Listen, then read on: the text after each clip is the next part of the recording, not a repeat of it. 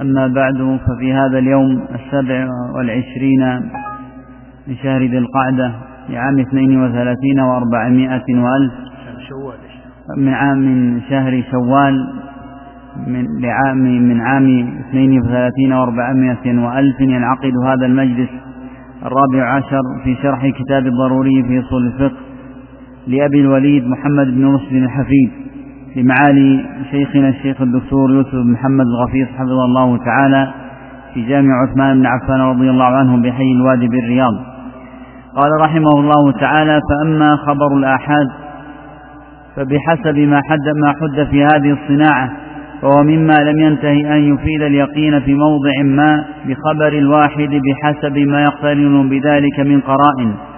قلنا هذا وإن كان غير ممتنع فهو مما يقل وجوده ولعل ذلك يقع في حق شخص ما ونازلة ما. ولتفاوت هذا الظن الواقع في النفس عند اقتران القرائن بأخبار الآحاد رأى بعضهم أن خبر الواحد قد يفيد اليقين. ويلحق بخبر الواحد بعد التكلم في حده التكلم في جواز العمل به شرعا والتكلم في شروط الناقلين له والجرح والتعديل وكيفية نقل الراوي عن مرويه. الفصل الأول في جواز العمل بخبر الواحد شرعا. نعم إذا الحمد لله رب العالمين وصلى الله وسلم على نبينا محمد وآله وأصحابه أجمعين. فيما ذكره أبو الوليد في مسألة خبر الواحد وهل يفيد العلم أو لا يفيد العلم. الذي غلب على تقرير المتكلمين ومن لخص عنهم في هذه المسائل وتعرف أن أبو الوليد لخص في جمهور كلامه عن صاحب المستصفى أبي حامد الغزالي يقولون إن خبر الواحد يفيد الظن وهذا الأصل في التقسيم بل أساس تقسيم السنة إلى متواتر وآحاد هو بني لهذا المعنى ليتحقق أن المتواتر يفيد العلم فيكون حجة في مسائل الأصول وأن الآحاد لا يفيد إلا الظن وإلا لو عاد الآحاد يفيد العلم كما يفيد المتواتر العلم ما أصبح التقسيم إلا تقسيما رياضيا من جهة عدد الرواة وذهبت نتيجته التي كان كانت مقصودة عند أصحابه.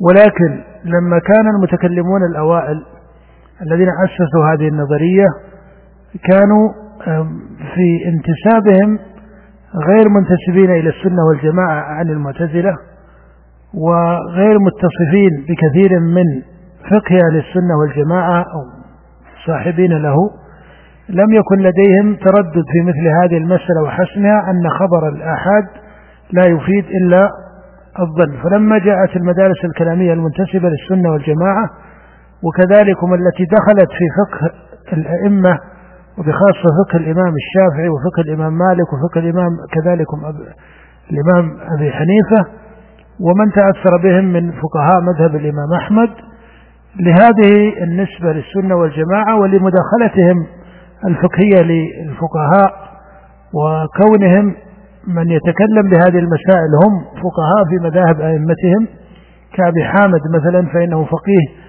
من كبار فقهاء الشافعية وغيره كذلك من من كتب في علم الكلام وعلم النظر أو في أصول الفقه على هذه الطرق. أصبحوا لما يطبقونه في الشريعة كتطبيق يترددون في مسألة طرد مسألة فنية خبر الآحاد لأنهم يجدونها غير متوافقة ما هم مع يعني الأصول التي استفادوها بمدرسة الشافعي كمدرسة فقهية أو مدرسة أبي حنيفة أو مالك وأحمد أثرت في تخفيف النظرة الكلامية التي كانت غالية لدى علماء المعتزلة.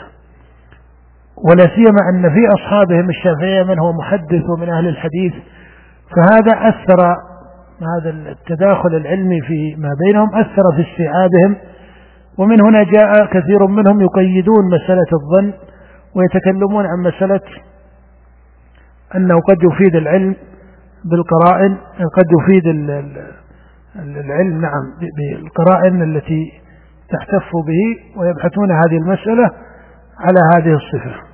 وجاء من المتأخرين من الفقهاء في مذهب الإمام أحمد كالعلامة ابن القيم رحمه الله وبحث هذه المسألة بحثا مطولا وهي مسألة أن خبر الأحاد يفيد العلم إذا احتفت به القرائن وصار ينظر هذا المذهب يعني العلامة ابن القيم تنظيرا مطولا آه، وفيما يظهر أن أساس المسألة بمعنى أنها المسألة لا تعالج كفرع وإنما ينظر إليها من أصلها.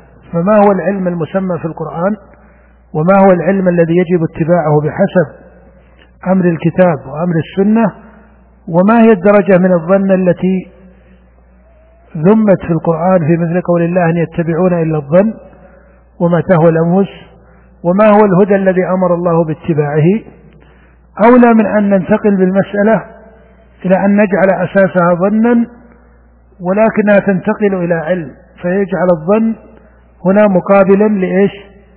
للعلم. بل يقال إن هذا علم ولكنه علم بدرجة والمستفيض بما يسمى المتواتر علم بدرجة فهذا علم وهذا علم ولا يصح الاعتبار في أحكام الشريعة إلا بدرجة من العلم لأن الله أمر بالعلم في كل الموارد الشرعية معتبرة ببلوغ العلم وحكم العلم. فهذا هو النظر الأظهر في هذه المسألة. نعم. قال رحمه الله تعالى الفصل الأول في جواز العمل بخبر الواحد شرعا. أما العمل بأخبار الآحاد فهو جائز عقلا وواقع شرعا. أما جواز وقوعه شرعا فإنه غير ممتنع أن ينصب الله تعالى غلبة الظن علامة للحكم. كنصبه سائر الأشياء على نعم انظر إلى أن ابن رشد كان لكونه فقيها وهو من فقهاء المالكية كما هو معروف أشار إلى أن المقصود بالظن في خبر الآحاد أو الظن الذي هو نتيجة خبر الواحد هو غلبة الظن. ولهذا قال إنه شرعا سائغ فإنه لا يمتنع أن الله ينصب غلبة الظن أمارة أو دليلا على الحكم. فإذا هو مقصوده بما يفيده خبر الواحد أنه يفيد غلبة الظن. أنه يفيد غلبة الظن. وهذه الغلبة من الظن تسمى وجها من العلم. تسمى وجها من العلم. نعم. وعلى هذا يتصور القضاء بالشهود والحكم بالفتوى واستقبال الكعبة إذا لم تعاين. وقد رأى بعضهم أن نصب غلبة الظن علامة للحكم في الشرع واجب عقلا. ولولا ذلك لسقطت أكثر الأحكام عمن, عمن لم يشافه رسول الله صلى الله عليه وسلم. وقول أبي حامد أن إن هذا ليس بقوي إن هذا ليس بقوي لأن لقائل أن يقول تسقط الأحكام في حق من لم يبلغه تواترها كما تسقط في حق من لم يسمع بالشرع ولا تواتر عنده. فليس عندي بمرضي لأن انضواء الشرع نادر وقليل جدا حتى لا يكاد حتى لا يكاد يقع مثل هذا مع تطاول الزمان. بل باضطرار بل باضطرار وقع نقله إلى جميع المعروف المعمورة تواترا. وإنما يشبه أن يقع مثل هذا في أول الإسلام. وليس كذلك العمل بأخبار الآحاد. لأنه ليس من ضرورة كل خبر أن ينقل تواترا. فلو اشترط, فلو اشترط في العمل به التواتر لأدى ذلك إلى تعطيل أكثر الأحكام. عن أكثر المكلفين. وبالجملة لو لم يجب القضاء بالشهود والأيمان والحكم بالاجتهاد لما كان سبيل إلى رد المظالم والأخذ بالحقوق. وقد يستدل أيضا على وقوعه شرعا بإجماع الصحابة يعني على العمل هذا أن أبا الوليد يقول أنه لو تعطل العمل بخبر الآحاد لتعطلت كثير من الأحكام الشرعية. وهذا وجيه من جهة النتيجة التي سموا بها المتواتر والأحاد. ولكن البحث هو ليس في تسميته خبر الأحاد هذا اصطلاح واسع. ولكن البحث في هذه النتيجة أنه يفيد الظن وهل الظن يعمل به أو لا يعمل به. فهذا اسم في حقيقته اسم طارئ. لا تجد أنه في ابتداء مع أن اسم الظن ذكر من هو من مفردات اللغة المعروفة. ليس اسما ليس له أصل عند العرب اسم عربي معروف. وذكر في القرآن في كذا مورد في غير مورد من القرآن. في أمر الله للمؤمنين باجتناب كثير من الظن فيما بينهم وفي ذكره لحال الكفار بأنهم يتبعون الظن. ومع ذلك ما سمي وجه من الحق أو وجه من العلم الشرعي أو حتى الفقه في دين الله ما سمي ظنا. فالإشكال هو في ترتيب مسألة الظن ثم طرح السؤال بعد ذلك هل الظن يعتبر في الأحكام الشرعية أو لا يعتبر في الأحكام الشرعية؟ نعم. وقد يستدل أيضا على وقوعه شرعا بإجماع الصحابة على العمل به وتوقفهم في بعض الأخبار إنما كان اجتهادا منهم في طرقها. وإنفاذ رسول الله صلى الله عليه وسلم والولاة إلى البلاد وتكليف الناس تصديقهم مما يقطع, يقطع به على وقوعه شرعا. فأما قول الله عز وجل فلولا نفر من كل فرقة منهم طائفة ليتفقهوا في الدين ولينذروا قومهم إذا رجعوا إليهم فرأى بعضهم أنها قاطعة في العمل بأخبار الآحاد إذ الطائفة تقع على النفر اليسير الذي لا يحصل اليقين بقولهم. وأبو حامد يرى أنها ليست بقاطعة إلا في وجوب الإنذار قال وليس يلزم من وجوبه عليهم وجوب العمل به. كما يجب على الشاهد الواحد إذ الشهادة لا يعمل بها.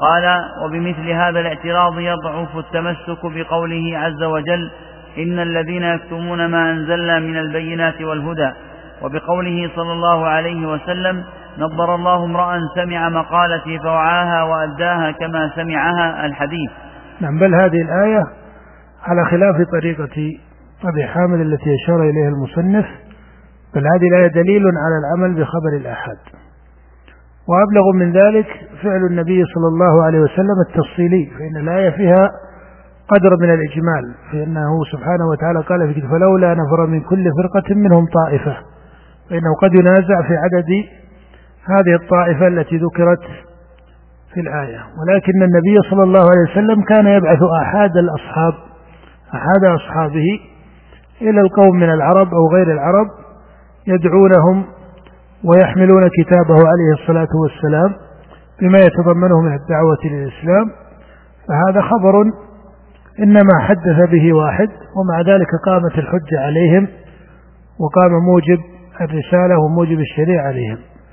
فدل على أن ما سمي في الاصطلاح بخبر الآحاد لا يطرد فيه هذا القول الذي أشار النظار إليه من جهة أنه لا يفيد العلم وإنما يفيد الظن. فإنه لا يقع أن النبي صلى الله عليه وسلم أقام الحجة على أولئك القوم بمجرد ظن يبلغهم. نعم. وهذا القول منه لا معنى له لأنه ما فائدة وجوب الإنذار إذا لم يجب العمل إذا لم يجب العمل بنقلهم وليس يشبه هذا الشاهد. فإنه إنما وجب عليه أداء الشهادة رجاء أن يأتي من من من عنده مثل شهادته فيقع فيقع العمل به.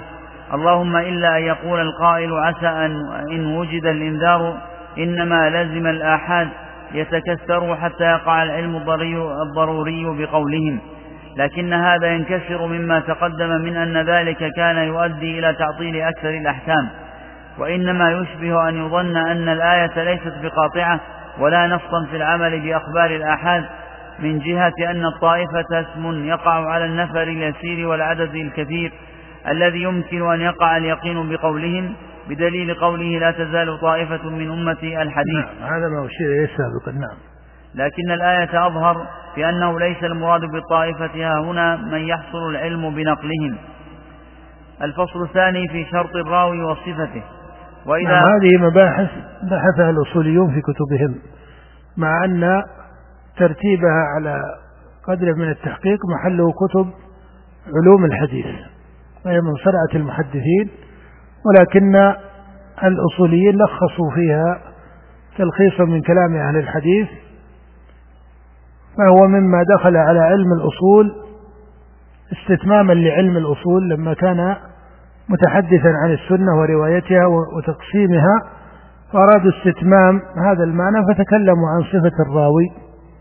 وأحكام الرواة كما أن أهل الحديث في علومهم ولا سيما المتأخرون منهم أو بخاصة المتأخرين منهم لما كتبوا في علوم الحديث أخذوا بعضا مما قرره علماء الكلام من الأصوليين لمناسبته أو اشتراكه مع علوم الحديث. فهذا مستفاد من كتب علوم الحديث كما أن كلام المتأخرين من أهل الحديث في تقسيمهم الرواية إلى المتواتر والآحاد وضبطهم للمتواتر بما هو معروف. هذا مستفاد من كلام المتكلمين في أصول الفقه. فبين هذه العلوم هذا الاشتراك من هذا المعنى. نعم.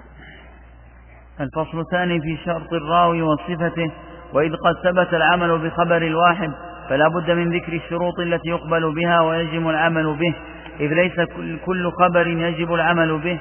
فأولها أن خبر الواحد يعمل به وإن لم يعمل بشهادته لأن اشتراط العدد, العدد إذا ثبت العمل به مما يجب على مدعي ذلك إثباته شرعا. ولا يصح في مثل هذا حمله على الشهادة قياسا. واستظهار الصحابة رضي الله عنهم بالعدد في واقعتين أو ثلاث فذلك اجتهاد منهم لأحوال خاصة بتلك النوازل. وبالجملة فاشتراط العدد ليس بشرط عندنا. وأول ولا يظهر في فعل الصحابة رضي الله عنهم أن أحدا من الصحابة لم يقبل رواية صحابي آخر آه، ردا منه لهذه الرواية بعدم وجود من يوافقه على هذه الرواية. هذا ليس له مثال منضبط. هذا ليس له مثال منضبط أن الصحابة يردون رواية بعض الصحابة لتفرده بروايتها. هذا ليس له مثال منضبط. إنما يقع مثل هذا على سبيل في أو في مسائل الشورى في الاجتهاد. فهم يسألون غيرهم لتعزيز وجه من الاجتهاد لما تكون المسألة محتملة من جهة الاجتهاد إلى أكثر من وجه. وإلا فلا يعرف أن صحابيا لا عمر ولا غير عمر رضي الله عنه قد رد خبر واحد من الصحابة يرفعه إلى النبي صلى الله عليه وسلم لكونه متفردا. نعم. وأول الشروط أن لا نقبل حتى عائشة رضي الله عنها لما تكلمت في رواية ابن عمر ما تكلمت فيها من جهة تفرده ظنت أنه أخطأ في الرواية. لما قالت وهل ابن عمر لما حدث ابن عمر بأن النبي صلى الله عليه وسلم قال إن الميت يعذب ببكاء أهله عليه فقالت وهل ابن عمر. فهذا ليس لكونه تفرد إنما ظنت أن عبد الله بن عمر سبق فهمه لنقل الحديث. فلم يكن هذا من مذهب عائشة أو من طريقة عائشة رضي الله عنها مع أنه كنتيجة بعد ذلك الرواية لم يتفرد بها ابن عمر ولم يهل ابن عمر أي لم يخطئ ابن عمر ولم يسبق فهمه وما ذكرته عائشة رضي الله عنها رواية أن النبي صلى الله عليه وسلم ذكر له يهودية يبكون عليها فقال إنهم لا يبكون عليها وأنها لا تعذب في قبر. هذه رواية منفكة عن ما ذكره ابن عمر وليس بين هذا وبين هذا اختلاف ولا تعارض مع القرآن في قول الله ولا تزر وازرة وزر أخرى. نعم. وأول الشروط أننا لا نقبل خبر الصبي لأنه لا يخاف الله فلا نأمن فلا نأمن عليه الكذب. يعني مراجعات عمر من جنس مراجعات عمر في زمن النبوة. لما كان يراجع النبي صلى الله عليه وسلم في بعض الرواية لا يحدث الناس بها فيتكلوا إلى آخره. لم تقع عند مذهب لعمر ولا لعائشة أنهم كانوا يردون رواية الواحد. نعم. وأما إذا كان طفلا عند السماع ثم نقل الحديث بعد بلوغه فهو مقبول بدليل إجماع الصحابة على العمل بالأحاديث من غير فرق بين من سمع في الصغر أو بعد البلوغ. وقول من قال تقبل, تقبل شهادة الصبيان في الجنايات التي تقع بينهم فإنما حمله على ذلك الاستدلال بالقرائن, بالقرائن لكثرتهم ولذلك اشترط في شهادتهم قبل أن يتفرقوا. ومن الشروط أن يكون ضابطا فإن من كان مغفلا يقع منه في الأكثر الغلط وأما كونه مسلما فلا خلاف في اشتراط ذلك لأن الكافر لا تقبل روايته لأنه متهم في الدين. وإن كانت تقبل شهادة بعضهم على بعض عند أبي حنيفة فلا مخالف, فلا مخالف في رد روايته وبالجملة فالاعتماد في ردها على الإجماع. وأما اشتراط العدالة فغير مختلف فيه لكن ما يدل عليه اسمها مختلف فيه. فذهب قوم وهم الأكثرون أن العدالة حالة في النفس يلزم عنها اجتناب ما نهي عنه في الشرع نهي تحريم أو نهي كراهة وإتيان ما أمر به في الشرع, في الشرع أمر وجوب أو أمر ندب من غير أن يخل بذلك. وبالجملة فيشترط فيه تجنب كل ما يقدح في دينه مما لا يمتنع عليه الكذب مع إتيانه. وهذا يختلف بحسب نظر المجتهدين لكن لا خلاف في أنه لا تشترط فيه العصمة كما لا يكفي في ذلك اجتناب الكبائر. وذهب قوم إلى أن العدالة عبارة عن إظهار الإسلام. مع أنه لا يعلم فاسقا دون بحث عن سيرته وسريرته. نعم, نعم. أبو الوليد بن رشد حاول أن يلخص القول في العدالة من كلام طوائف ممن تكلم عنها وجاء كلامه مناسبا في جملته إلا أنه في الأخير قال قولا فيه درجة من التمانع. لما ذكر أنه لا يكفي في كونه عدلا اجتنابه للكبائر. فإنه لو تحقق اجتنابه للكبائر لو تحقق اجتنابه للكبائر لأن الكبائر تأتي على معنى ترك المنهي عنه وعلى عدم ترك المأمور به. لأن من ترك المأمور به كالصيام مثلا نقول إنه فعل كبيرة. أليس كذلك؟ ومن شرب الخمر كمنهي عنه نقول إنه فعل. فإذا تحقق اجتنابه للكبائر فإنه عدل في دينه. وإنما لم يشر إلى ما لم يشير إليه كثير من أهل الحديث ومن كتب عنهم أو لخص عنهم الأصوليين وهو ما يتعلق بالمروءة. وبعضهم يقول إن العدالة هي استقامة الدين والمروءة فيجعلون لي المروءة قدرا من جهة قبول عدالته. فإشارته إلى أن هذه مختلفة بين المجتهدين بما يقدرونه من أن هذا كبيرة أو ليس كبيرة أو ينقض العدالة ولا ينقض العدالة. في جملته وجه لكنه لما جاء إلى قوله أنه لا يكفي فيه اجتنابه للكبائر هذا ليس على قاعدة صحيحة لأنه إذا تحقق اجتنابه للكبائر فقد استقامت عدالته من جهة الديانة إلا ما قد يستثنى في مسألة كلامهم في المروءة. نعم.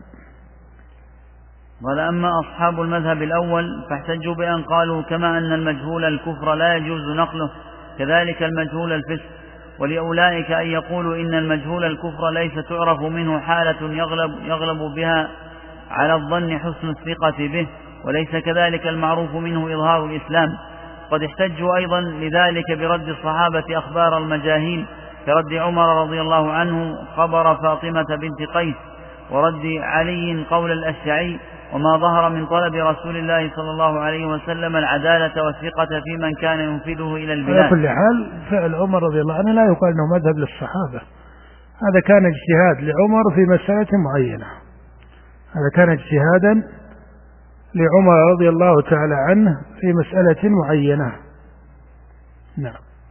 وأما ما احتج به أهل الفرقة الثانية فقبوله صلى الله عليه وسلم شهادة الأعرابي في رؤية الهلال مع أنه لم يعرف منه إلا الإسلام ولأولئك ألا يسلموا أنه يعني كان لا يصح أن يكون مذهب للصحابة ولا حتى مذهب لعمر. إنما عمر رأى في رواية فاطمة بنت قيس ما يخالف القرآن عنده وما يخالف السنة عنده. ولهذا قال لا ندع كتاب ربنا وسنة نبينا لقول امرأة لا ندري لعلها نسيت. فما كان هذا من عمر على مذهب يضطرد عنده أنه يراجع في رواية الواحد من الصحابة أو من ليس لها صفة الجهالة هي معروفة عند عمر.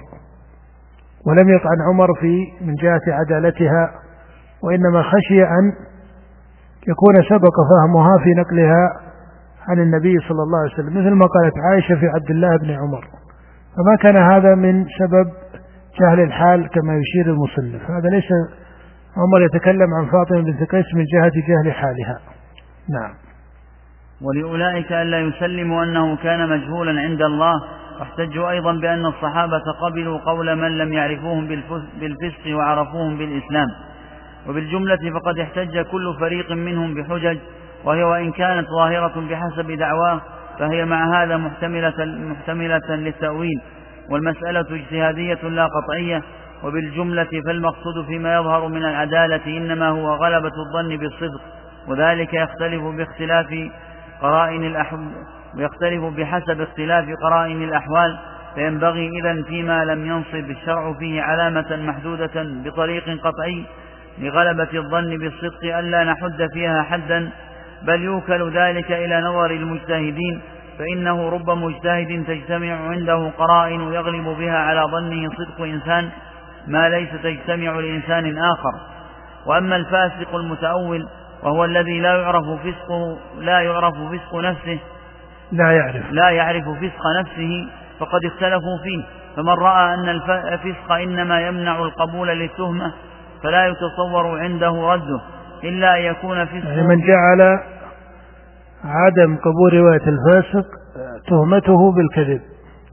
قال فإذا كان متأولا في فسقه فهذه التهمة في حقه تكون منتفية. نعم. فمن رأى أن الفسق إنما يمنع القبول للتهمة فلا يتصور عنده رده إلا يكون فسقه في إجازة الكذب. ومن رأى أن الفسق بنفسه هادم للقبول لموضع التهمة أجاز شهادة بعضهم على بعض. والأول مذهب الشافعي والثاني مذهب القاضي. ويشبه أن يكون القاضي إذا أطلقه في كتابه يقصد به القاضي أبو بكر بن الطيب الباقلاني تبعا لمن لخص عنه وهو صاحب المستصفى. نعم. ويشبه أن يكون مذهب الشافعي أقيس ويشهد له قبول الصحابة رضي الله عنهم أخبار الخوارج.